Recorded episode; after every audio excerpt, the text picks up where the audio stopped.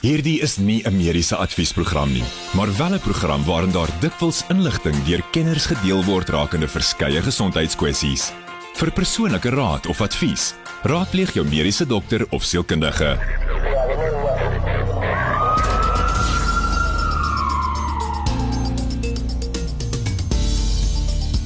Welkom is groot trauma. Ek is Pieter Kloete saam met dokter Jaco van die kerk. Soos altyd, Jaco, welkom. Goeienaand Pieter, goeienaand aan almal wat luister. En Jaco is daar van Montana uit sy eie praktyk en hy is ook die direkteur van die Montana 24 se trauma eenheid. Jaco, ons begin met nuus stories die afgelope ehm um, week van van laasweek Woensdag af tot nou toe. En dit lyk vir ons kan ongelukkig nou nie COVID-19 ontduik nie, dis maar nog steeds in die nuus en mense wil nog steeds daaroor weet. Maar storie vir my nogal uitstaan is dat nuwe data toon dat 8 maande nadat pasiënte COVID-19 opgedoen het, kan hulle hart en longe nog steeds aangetast wees. Ja, Pieter, ehm um, as mens gaan lees na die na die of die artikel gaan kyk, is daar 'n biokinetikus wat dan navorsing gedoen het.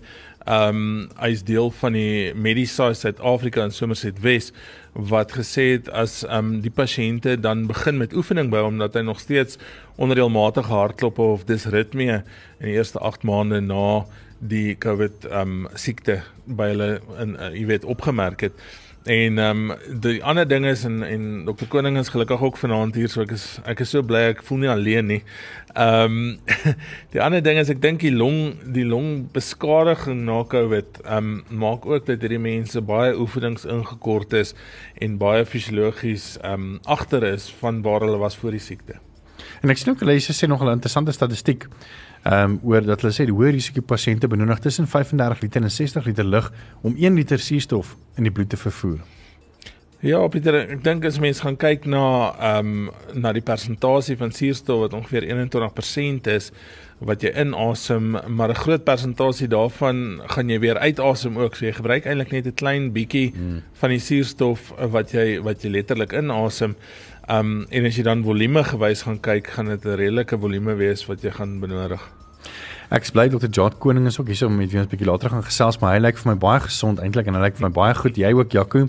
So, en julle altyd het van daai Johnson Johnson enstof gekry. So ek weet Amerika se drug administration het nou eers 'n bietjie op hold gesit, maar julle lewe nog, julle julle lyk vir nog vol lewe. Ja, Pieter, ek dink van van my kant af, um, ek is bly ek het dit gekry. Ek was nie siek nie. Ek um, was bietjie moeg maar ek sê ook ek dink is dalk baie meer emosionele moegheid want mense dink jy het nou 'n inspuiting gekry iets moet gebeur so is dit nie dalk dit nie. Ehm um, ja en van my kant af en, en dokter Koning kan nou bietjie daaroor praat dalk is ehm um, ek weet nie of die insidensie regtig so hoog is dat mense nou bekommerd moet wees oor die immunisasie nie. Ehm um, ons nou van die lig af ook gesê ehm um, dat dat hierdie stol abnormaliteit wat die mense gekry het of die bloedklonte wat gevorm het um, is is saam met lae plaatjie tellings waar gewoonlik dit met hoë plaatjie bloedplaatjie tellings ehm um, geassosieer word. En ehm um, ek weet nie dokter Koning het 'n baie mooi manier om te sê hoekom vrouens dalk meer dalk uitgesluit gaan wees ehm um, by die Johnson & Johnson waar hulle dalk eerder die die Pfizer een gaan kry. Ek dink ek dink wat ons met vaksines sien nou is is versigtigheid. Ons het 'n splinter nuwe siekte, ons het splinter nuwe vaksines en almal is maar versigtig. Ons wil ook nie regtig publiek seermaak met met met enige nuwe ingreep nie. Uh wat ons hier sien is dan eintlik maar net 'n versigtigheidsoptrede.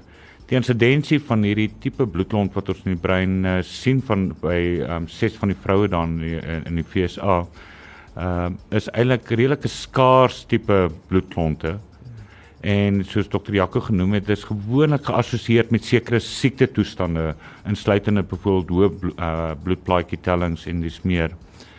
Ons moet onthou in die FSA was byna 6.5 miljoen mense mm. reeds ingeënt met met die Johnson Johnson inenting en dit is opgemerk by 6 van die lede. So. Dit dit beteken is 1 dis minder as 1 uit 'n miljoen persone en as mense na die insidensie net onder 'n normale bevolking gaan kyk, met met, met van hierdie bloedklonte is dit ook so 1 tot 10 uit 'n miljoen. So is nie dat dit verhoogd is in in die inentingsgroep nie. Daar is net 'n paar vrae. Dr. Jaco raak in een dis die, die vraag van hoekom as die plaatjies verlaag want dit suggereer miskien was dit 'n immuunrespons op op op die vaksin so.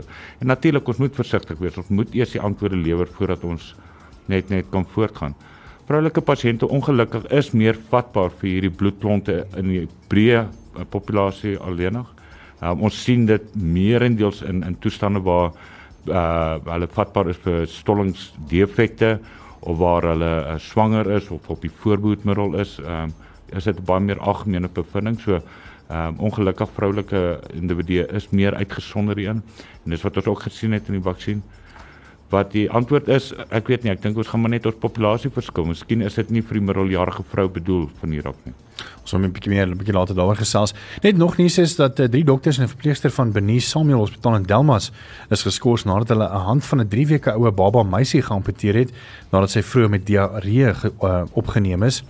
En ehm um, wat gebeur het was is dat die die personeel of die baba was 2.4 kg en sy is op 30 Maart in die hospitaal in Delmas opgeneem, maar is toe later oorgeplaas na die Witbank Hospitaal waar haar hand geamputeer is. Ehm um, en hulle vra 'n verskoning hiervoor. Hulle sê dat ons moet erken wanneer ons verkeerd optree en ons moenie daarvan wegskram nie. Daar was nalatigheid in die hospitaal en ons sê as ons dit nie as regering veroordeel nie, sal niemand anders dit doen nie. Jaco, hoe gebeur dit dat 'n baba se hand geamputeer word as hulle ingaan vir diarree? Pieter is 'n baie moeilike ding aan die een kant, ehm um, dink ek dis moeilik om nalatigheid. Ek ek weet daar's nou nog ondersoek en die die die term nalatigheid is nou al gebruik, maar ehm um, diarree in babas is een van die hoofoorsake van dood in in in jong babas en kinders as gevolg van dehydrasie omdat hulle so vinnig dehydreer. 'n Gedehydreerde kind is 'n baie moeilike pasiënt om 'n drup op te kry en dis die enigste manier hoe jy hulle baie keer kan rehydreer. Ehm um, wat wel kon gebeur is is 'n mens dan 'n drup in 'n arterie sit en nie in 'n vena nie. Dis die een ding wat hulle kan doen. En daar's daar's toetse wat 'n mens doen en, en ons doen dit baie keer met volwassenes ook. As jy ehm um, as jy byvoorbeeld 'n arteriële lyn opsit waar jy die bloeddrukke in die of sentrale bloeddrukke meet, dan moet jy eers gaan seker maak dat daar goeie sirkulasie is in die hand van beide jou jou duimkant of jou radiale arterie en jou ulnare arterie aan die pinkie kant En as dit nie daar is nie, dan dan bly ons gewoonlik weg van daai kant van die hand, ehm um, want as jy dan daai vat beskadig, kan jy dan daai hand verloor.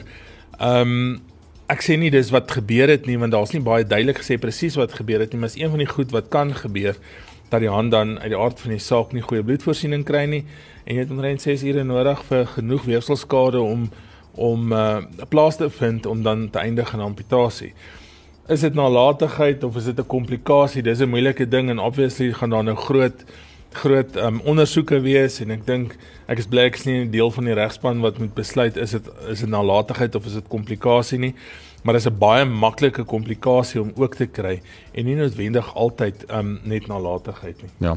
Net om af te sluit uh of wel ek dink ons gaan miskien ook 'n bietjie later dan uh, miskien ook meer oor hierdie storie praat uh, wat hier in Pretoria gebeur het. Uh maar dis inderdaad vir nuus stories uh die afgelope week lyk like dit vir my. So ja, bly geskakel op groot drama net hier na waar ons 'n bietjie gesels. Ek dink daar's een nuus storie wat ek graag wil oordra wat ons 'n bietjie meer moet oor gesels net gaan oor vroedvroue. Ehm um, en hoekom jy nog steeds mense na 'n dokter toe moet stuur. Ehm um, daar was ook 'n ding gewees op 'n baie bekende televisiereeks, maar ons gaan 'n bietjie daar gesels net hierna en dan weer 'n bietjie later ook oor eh, 'n uh, baie wetenskaplike naam Zol Zolres of sê ek dit nou reg? Bezoster. Of Bezoster, ja. Dan jy nie weet wat dit is nie, bly geskakel ons 'n bietjie daaroor gesels. Ja.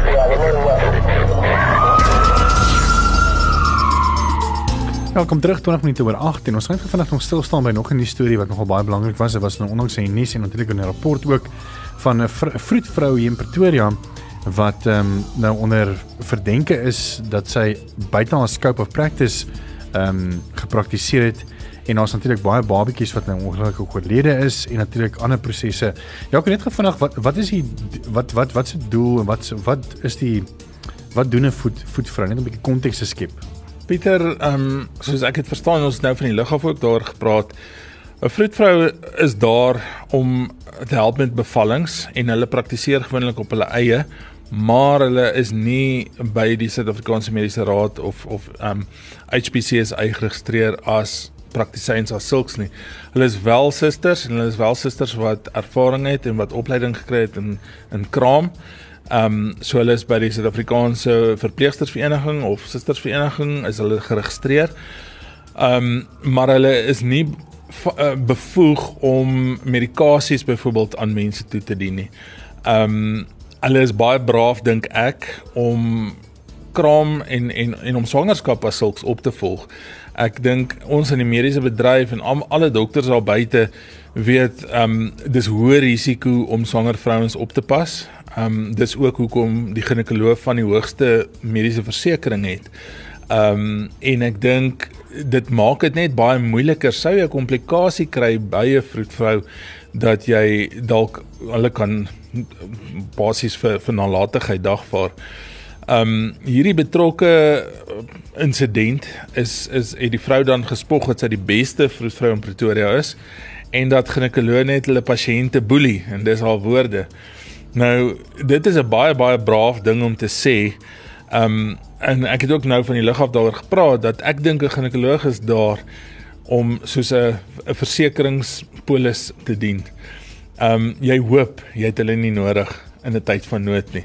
Jy hoop nie as jy 'n versekeringspolis het dat iemand by jou gaan inbreek dat hulle kan uitbetaal nie. Jou ginekoloog is daar om jou swangerskap op te pas en as jy komplikasies kry om dit op die mees professionele manier, mees akademies korrekte manier te kan hanteer. Jy hoop nie jy kry komplikasies nie. En en 'n vrou wat 'n normale swangerskap het, wat 'n normale ehm um, uh, verloop van swangerskap en en en bevalling het, is maklik om te hanteer en en ek dink um, enige mediese student kan dit waarskynlik goed net so goed doen, maar die oomblik wat daar 'n uh, komplikasie kom, dan jy 'n ginekoloog nodig. Hmm. Ehm um, wat hierdie betrokke dame dan ook gedoen het, ehm um, en en dit was nou op verskillende programme al ook genoem. Dis nie nuwe nuus nie, is dat sy vir die mense Rescue Remedy wat sy as homeopatiese middel ehm um, voorgedoen het om hulle te kalmeer vir die uh, pasiënte gegee het wat in kraam gaan. En hierdie middel het aan die einde van die dag twee mediese aktiewe bestanddele gehad. So waarvan die een cytotec is wat baie keer gebruik word vir vroeë aborsies en ehm um, oksitosien wat ons baie keer vrouens gee nadat hulle ehm um, deur hulle bevalling is om die uterus te laat saamtrek en om die bloeding te verminder.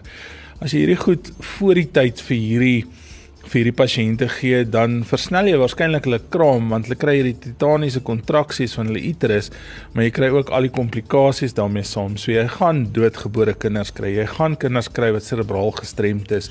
Jy gaan kinders kry wat mekonium aspirasie het wat eintlik basies dat daai vrugwater met dan die uitskei produkte van die baba in die longe eindig. Jy gaan daai tipe van komplikasies kry.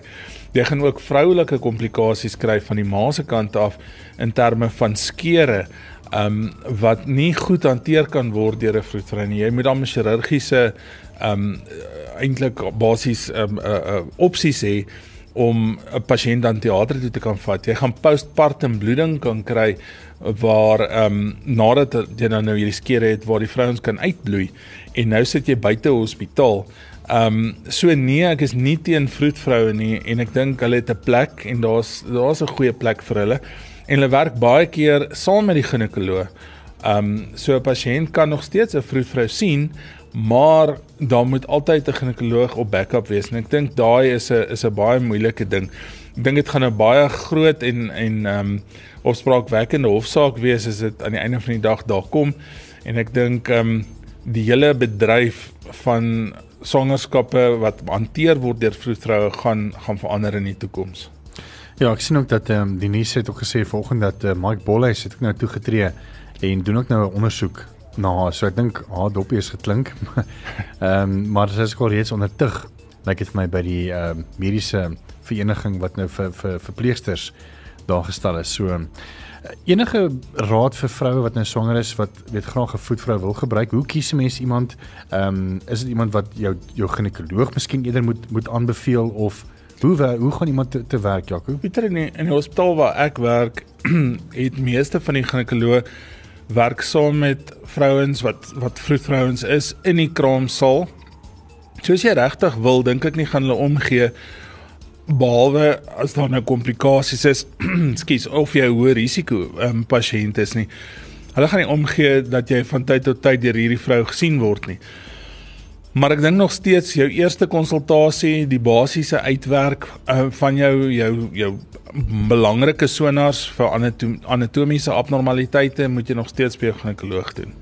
Um niemand gaan ook omgee as 'n vrou regtig emosioneel voel oor die feit dat hulle normaal wil kraam nie Maar weer eens, jou ginekoloog moet jou ken. Jy moenie nooit by 'n ginekoloog uitkom altyd net jou vroedvrou gaan sien en dan aan die einde van die dag as jy komplikasie kry, dan 'n ginekoloog soek nie. Want die ginekoloog is geneig om dan jou nie te wil help nie, nie omdat hulle nie wil nie, maar omdat die risiko so hoog is vir vir jou as pasiënt, vir die kind um, wat dan gebore word of die ongebore baba maar ook vir hulle in terme van van mediese ehm um, nalatigheidseise wat wat daarna kan kan kan uh, voorkom.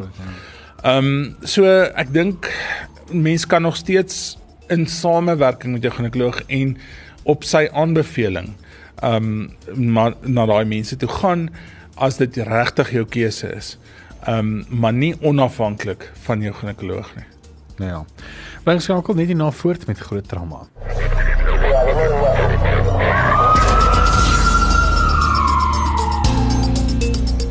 Welkom terug gesgroot trauma. Ek is Pieter Kloete saam met Dr. Jaco van Niekerk soos altyd en ook uh, ons gas, jy ken hom ook nou al, dis Dr. Jacques Koning en ons gesels vanaand oor uh, ek dink die mooi naam is Gordelroos, maar daai ander volksvreemde naam wat my tong so knoop, weet ek nie so mooi nie. Wat sê weer Jaco? Varicella zoster. Hmm. So varicella is eintlik die die term wat mense maar vir vir waterpokkies gebruik en zoster is dan nou die gedeelte wat die wat die shingles soos die ou mense sal sê of die gordelroos dan veroorsaak. So eintlik basies kom dit daarop neer dat jy was waarskynlik eers gaan waterpokkies kry in jou jonger dae en later van tyd sal jy met die gordelroos presenteer. En uh, onder wat val hierdie? Ek meen is val onder 'n kategorie van swamme, is dit 'n virus, is dit bakterie uh, of Pieter dit is 'n virus. Ehm um, dit val onder die herpes virusse. En ehm um, Dr. Koning gaan dalk vertel hoe versprei hierdie virus in terme van as jy hom nou gekry het as 'n waterpokkie virus, hoe kom hy éventueel weer uit as jy 'n volwasse of selfs 'n ouer persoon is? Hmm. Ja, dit is 'n beslisse virus.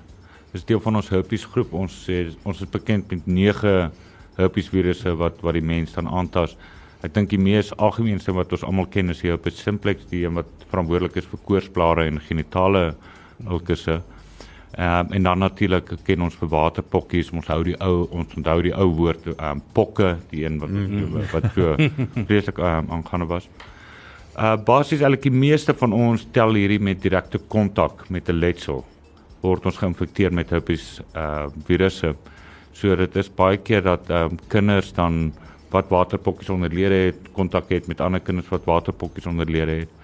En wat dan gebeur is dat in soos met herpes simplex ook dat van hierdie viruspartikels van hierdie virus self nie heeltemal deur die liggaam vernietig word nie en dan weggesteek word in veral senuweebane en dan veral die ehm um, nie in die rugmurg maar meer die wortels van die senuwee wat vanaf die die rugmurg kom.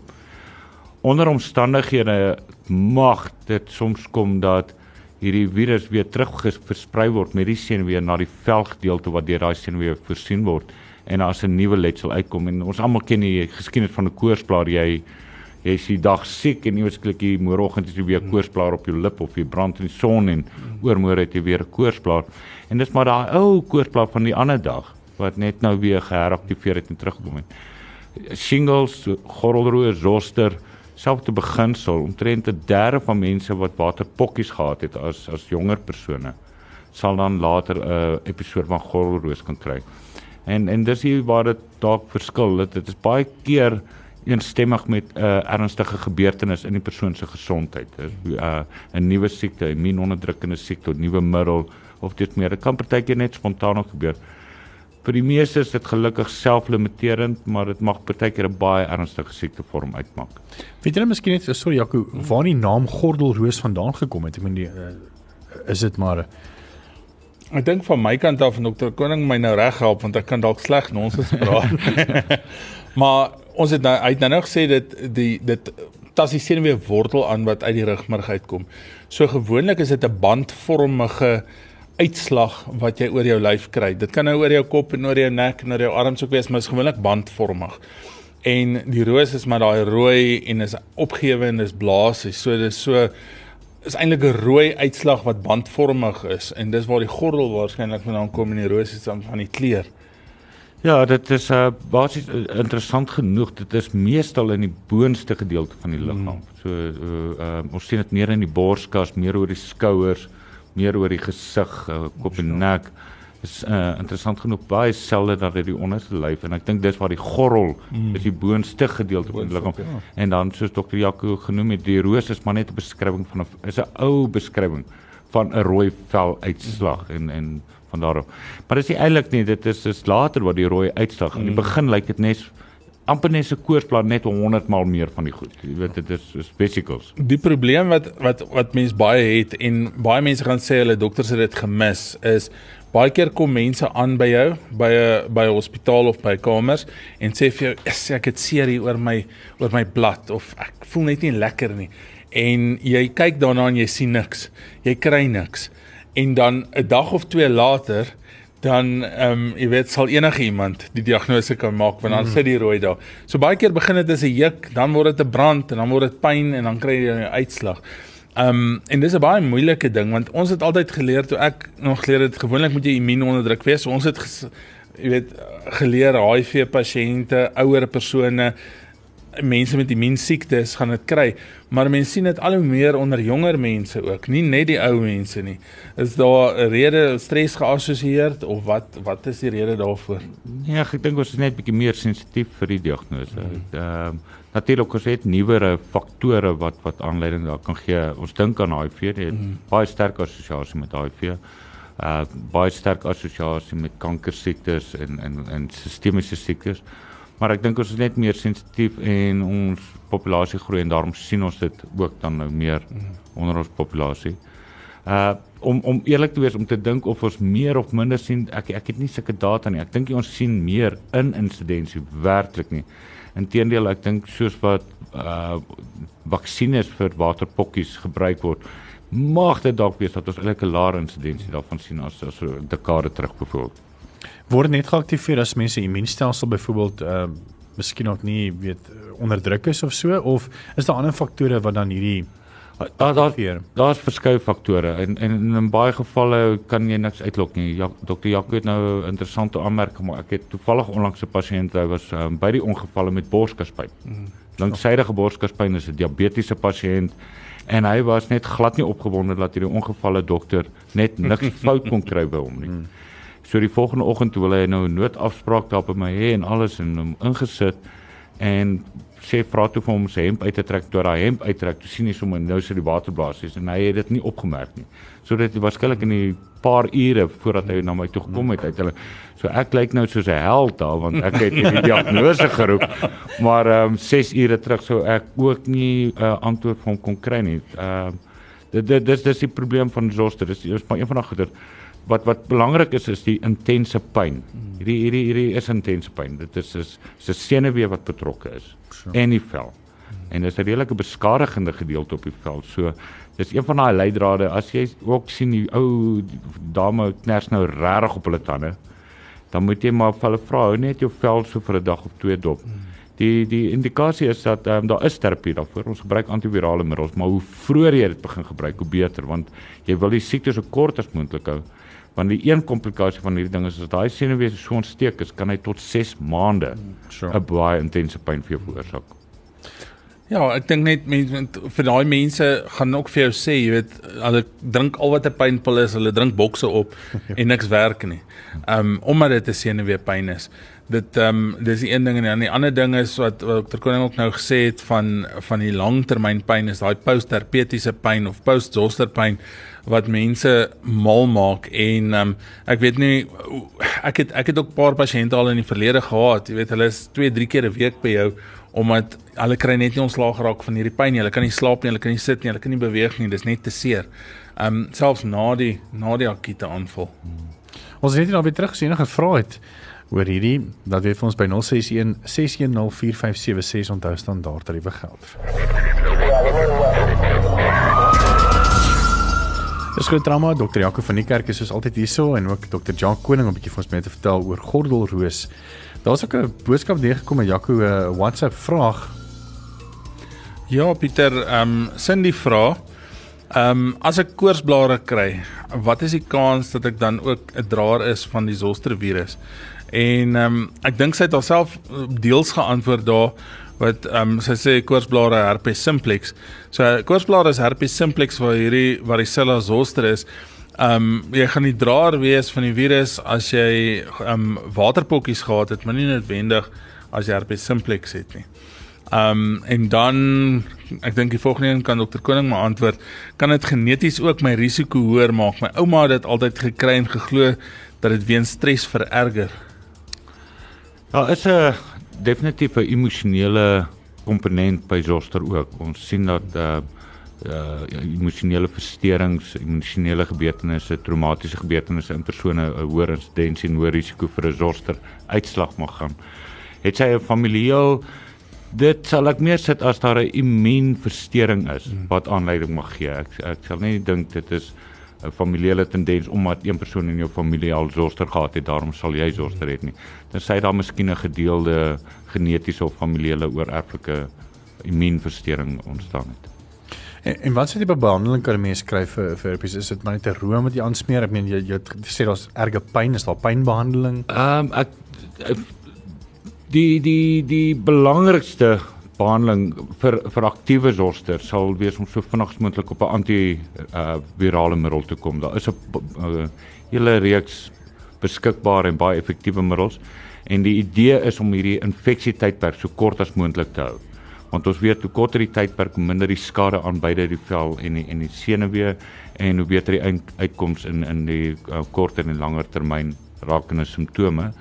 Daar's vaksines beskikbaar. Uh as vaksines vir kinders om teen waterpokkies en dan indirek teen zoster te beskerm. En dan is daar selfs vaksines beskikbaar deesdae waar jou wat ons jou net teen die zoster komponent kan kan beskerm. Wat baie effektief is en um, in in sekere lande soos die FSA word dit redelik algemeen onder die ouer populasie gebruik. Ek ek weet nogal dat ehm um, weet ons praat nou baie oor die die herpes simplex wat eintlik maar ko koorsblare is en so maar herpes het mos eintlik maar half 'n bietjie van 'n baie negatiewe of 'n baie ehm um, konnektasie as mense sê, weet nie, maar ek baie mense skaam om te sê weet jy mos het herpes omdat dit mos maar meer geassosieer was as 'n seksuele oordraagbare siekte nie waar nie. Dat dit ja definitief. Daar ons ons het te doen met veral twee herpes simplex virusse wat ons dan nou onderverdeel en ehm uh, mens kan seker sit as die boonsteen en die ondersteen. Alhoewel wat bo is mag onderop wees, maar ehm um, definitief ehm um, is is van hulle baie meer seksueel oordraagbaar van aard en ehm um, is is daar 'n skeeheid en natuurlike uh ehm uh, amper mite en en 'n uh, ehm uh, sosiale taboe om dit te noem. Maar dit is partykeer moeilik om te onderskei. Jy weet ons kry baie keer 'n herpes simplex wat wat ehm uh, ehm bo uh, en onder ehm uh, betrokke is en ons verwar die twee dalk met mekaar. Daar is terapie vir beide, maar ongelukkig hulle is herhalende uh, infeksietoestande van aard en daarom moet 'n mens maar bewus wees van die diagnose sodat jy elke keer bewus is ek het nou simptome, daarom kan ek gou terapie gaan ontvang. Ek sien uh, word net gesê die zoster val sekere senuweevlakke aan, veral oor die torso en oor die rug tot half oor hy het dit ook nog gehad. So dit lyk van dit is nogal weet meer ehm um, uh bekend as wat mense sou dink. Jy weet of moer Ja, ek dink uh, iemand wat Zoster al gehad het, sal dit vir ewig onthou. Ek dink nie mense gaan dit lig vergeet nie. En as mense net dink aan die geskiedenis en en weer eens kan Dr. Koning my hier help. Die ouer ouens het het ehm um, nog die ou middel Tegretol gebruik vir die mense met die senuweepyn. Hulle het amitriptyline gebruik wat eintlik een van die trisikliese antidepressante is vir die pyne. Deesdae is daar nou nuwer nuwer middels um jy weet so Pregabalin of uh, iets in in die lyn wat 'n mens kan gebruik um vir die senuweepyn wat 'n senuweegeleidingsmoduleerder is, maar ten spyte van daai goeders is die mense nog steeds seer. Um maak nie saak wat hulle doen nie. En die ding wat my altyd bekommer is as ek iemand sien wat hierdie zoster uitslag oor hulle oor hulle kop het en wat die oog betrek, um want dit kan selfs blindheid veroorsaak. As daai oogsenuwee betrek word en skade kry, kan dit definitief jou visie ook aantas. So mense moet baie baie versigtig wees vir dit. Uh, nee, definitief. Uh, uh, soos ek genoem het, omtrent 'n derde van persone wat waterpokkies gehad het, gaan een keer in hulle lewe ook zoster hê, so dit is ja. definitief baie algemeen. Maar daar is 'n paar meer ernstige toestande, Dr. Jakut 'n paar geraak. Die een toestand wat ons wel nou en dan meer gereeld sien is 'n toestand wat ons noem Ramsay Hunt. En dis waar hy dan ehm um, senuwees betrek wat veral die gesig ehm um, spiere voorsien en persone mag verlamming kry, mag dan na die binneoor toe gaan en dit is nie altyd so duidelik soos wanneer op die vel is nie, maar laat hy eintlik hier na die uh in die oorkanaal afbeweeg, mag doofheid veroorsaak, mag oog senuwee ehm um, beskadig gee.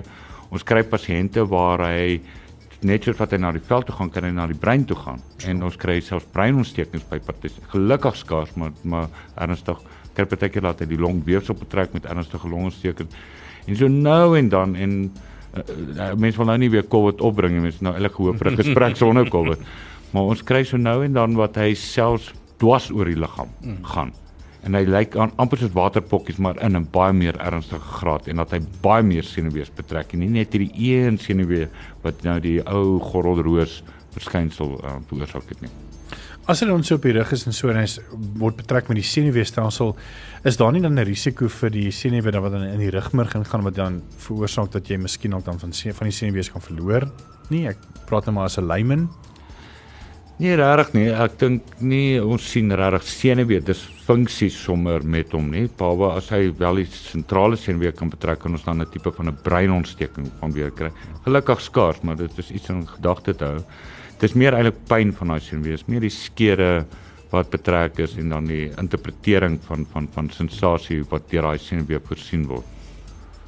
So dis dit vir gordelroos vanaand. Ehm um, meer algemeen as wat mense nou reg gedink het. Ek meen ek is verbaas oor dit. So weer eens baie dankie Dr. Jacques Koning vir jou baie kennis en natuurlik Dr. Jaco van die kerk. En volgende week um, is ons bietjie van 'n nuwer formaat van groot trauma Uh ons het so 'n paar dinge 'n bietjie gaan rondskuif en so en ek dink jy gaan nogal baie geniet saam met ons. So skakel gerus volgende week Woensdag tussen 8 en 9 saam met my en dokter Jaco van die kerk. Dis dit, dankie Jaco. Dankie Dieter. Sien uit.